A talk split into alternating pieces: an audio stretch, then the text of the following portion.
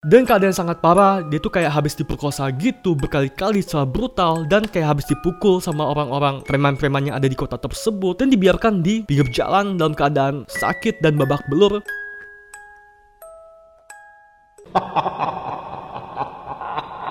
Hi, I'm Tiffan Yellow. Welcome back to my channel. So guys, sorry banget kalau misalnya kamu dengar suara hujan di luar karena ya memang sekarang lagi hujan. Jadi agak berisik dikit dan malam ini aku akan ngebahas tentang sebuah cerita ya bukan kasus pembunuhan atau semacamnya di mana ada seorang model yang sangat cantik dari Amerika dan dia juga itu dinobatkan sebagai salah satu model super model pertama di dunia dengan penghasilan cukup besar saat itu dan dia itu harus kehilangan karirnya dan meninggal gara-gara kecanduan narkoba lebih tepatnya heroin dan sebelum kita mulai, please klik subscribe dan tanda lonceng sebagai support kamu ke aku agar aku lebih semangat lagi untuk bikin video berkualitas dan menghibur. Kalau sudah kita mulai. Satu, dua, tiga, jeda. Dan guys, wanita yang akan kita bahas ini itu bernama Gia Mary Karangi. Ia lahir pada tanggal 29 Januari 1960 di Philadelphia, Amerika Serikat. Gia memiliki dua saudara laki-laki dan Gia sendiri adalah anak bungsu. Ayahnya Gia bernama Joseph Karangi dan ibunya bernama Kathleen Karangi. Ayah Gia juga memiliki restoran yang bernama Hagi City dan dia juga adalah seorang yang berdarah Italia, sedangkan ibunya itu adalah seorang ibu rumah tangga. Namun guys, tampaknya ya keluarga mereka itu bukanlah keluarga yang harmonis soalnya ayahnya ini tuh sering melakukan KDRT kepada ibunya, sering nonjokin ibunya, sehingga di umur Gia yang ke-11 tahun, mereka pun berpisah, ibunya keluar dari rumah itu, dan saat tahun 1971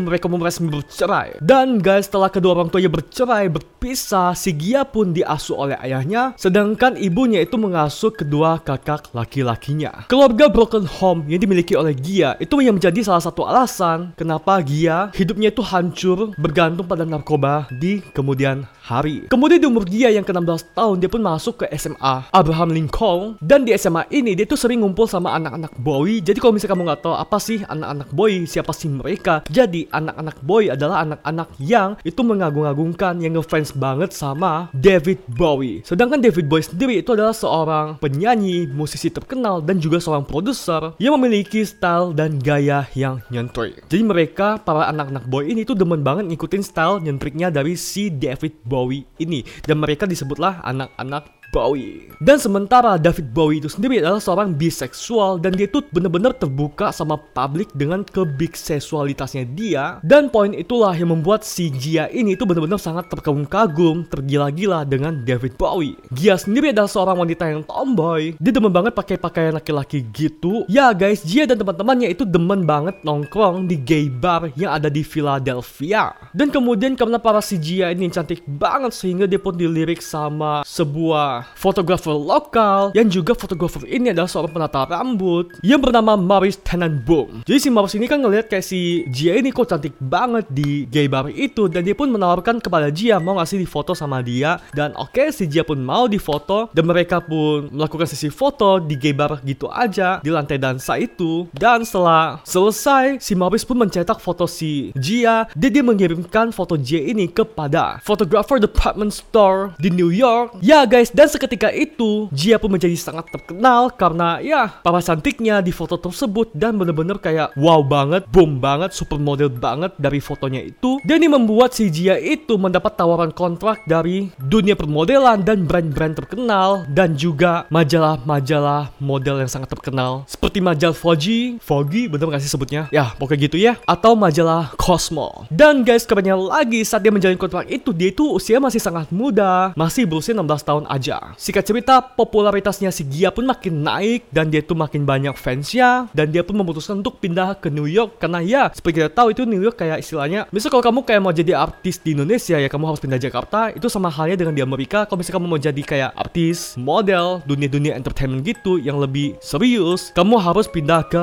New York. Dan dia pun pindah ke New York untuk menjalani karirnya tersebut dengan sangat serius. Dan guys di sana dia pun bergabung dengan agensi model dan bos dari agensi itu bernama Wilhelmina Cooper. Jadi guys, Wilhelmina ini itu sudah dekat banget sama si Jia, bahkan sampai Wilhelmina itu menganggap si Jia ini itu adalah kayak anak angkatnya aja. Lalu Jia juga menjalin banyak relasi di sana dengan orang-orang yang terkenal di dunia model. Seperti dia juga punya teman baik dari seorang fotografer terkenal yang bernama Francesco Scafulo. Ya guys, Jia pun menjadi model dari brand-brand terkenal seperti Christian Dior, Giorgio Armani, dan lain-lain. Bahkan pada usianya yang baru berumur 18 tahun, dia itu sudah mencapai penghasilan sebanyak 100 ribu US dollar per tahun. Yaitu kalau dirupiahkan sekitar 1,5 M Dan itu saat itu loh. Saat itu kalau mungkin zaman sekarang Mungkin bisa kayak per tahun lebih dari itu Lebih dari 3 M mungkin. Dia itu banyak banget untuk model pendatang baru seperti Jia Dan bisa dibilang dia memiliki penghasilan jauh lebih tinggi Dibanding dengan model-model sekelasnya pada zaman itu. Dan ini membuat dia itu dijuluki sebagai supermodel pertama di dunia Karena penghasilannya tersebut. Dan bahkan di tahun 1979 Dia itu menjadi salah satu model di cover majalah Cosmo dan majalah Foggy Foggy ya kita sebut aja Foggy yang seperti kita tahu sampai sekarang majalah Cosmo dan majalah Foggy kalau misalnya kamu masuk ke dalam majalah itu sebagai model di cover majalah tersebut itu artinya adalah kamu seorang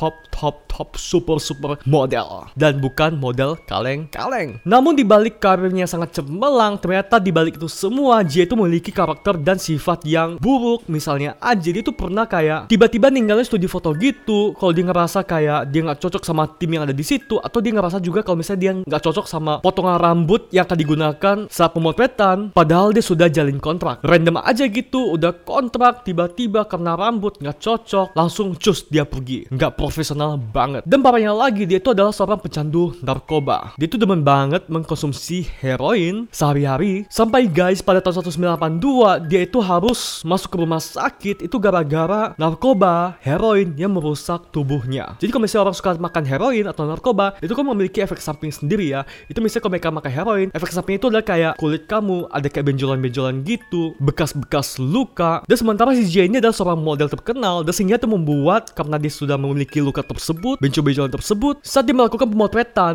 untuk cover majalah Cosmopolitan, dia tuh bahkan harus menutup sebagian tubuhnya, kayak taruh di belakang gaunnya agar luka di lengannya itu nggak kelihatan saat difoto. Wow, cuma gara-gara narkoba bikin semuanya jadi susah. Dan pernah juga nih guys, jadi dia itu kan pernah suatu hari dia lagi melakukan sesi foto di sebuah studio foto yang kontraknya adalah sebesar 10.000 US dollar, itu kayak 100 juta lebih, 150 juta lebih, dan dia tuh bisa tiba-tiba ninggalin studio tersebut cuma gara-gara dia tuh ngebet mau pergi ke Lower East Side Manhattan. Itu adalah sebuah daerah kumuh dan di sanalah dia akan melakukan transaksi heroin. Dia membeli heroin di daerah kumuh tersebut. Cuma untuk itu dia sampai ninggalin studio foto yang bernilai sangat besar. Kemudian di tahun 1980 Wilhelmina yaitu adalah bos agensinya si Jia sekaligus adalah kayak ibu angkatnya Jia sendiri itu tiba-tiba meninggal. Dan ini membuat si Jia menjadi sangat depresi. Dan karena depresi banget si Jia pun mengkonsumsi heroin lebih banyak lagi dia itu otomatis membuat si tubuh Gia ini itu jauh lebih hancur lagi kulit-kulitnya itu lebih banyak luka lagi akibat efek samping dari heroin yang makin parah. Jadi guys pernah suatu ketika si Gia ini itu lagi foto untuk majalah cover Fuji dan dia itu tiba-tiba kabur dari studio foto tersebut dan ini sangat membuat si fotografer marah. Dan ya tapi si fotografer ini memberikan kesempatan kedua kepada Jia mau nggak lu tapi lu jangan kabur lagi ya. Kalau misalnya gua kasih lu kesempatan dan akhirnya ya saat sesi foto kedua si Jia pun foto dengan anteng dan dia nggak kabur dari studio tersebut. Namun fotografer melihat banyak banget luka-luka di tubuh Gia dan makin apa ya, makin banyak, jauh lebih banyak dibanding beberapa hari sebelumnya, beberapa sesi foto sebelumnya. Yaitu lagi-lagi sampai harus membuat si Gia menutupi luka tersebut dengan kayak nyembunyi ke belakang lah, ditutupi dengan kain lah. Pokoknya diusahakan agar luka tersebut nggak kelihatan saat difoto. Di tahun 1981 si Gia pun harus ditilang polisi dan ditangkap karena mengendarai mobil saat menggunakan obat-obatan terlarang.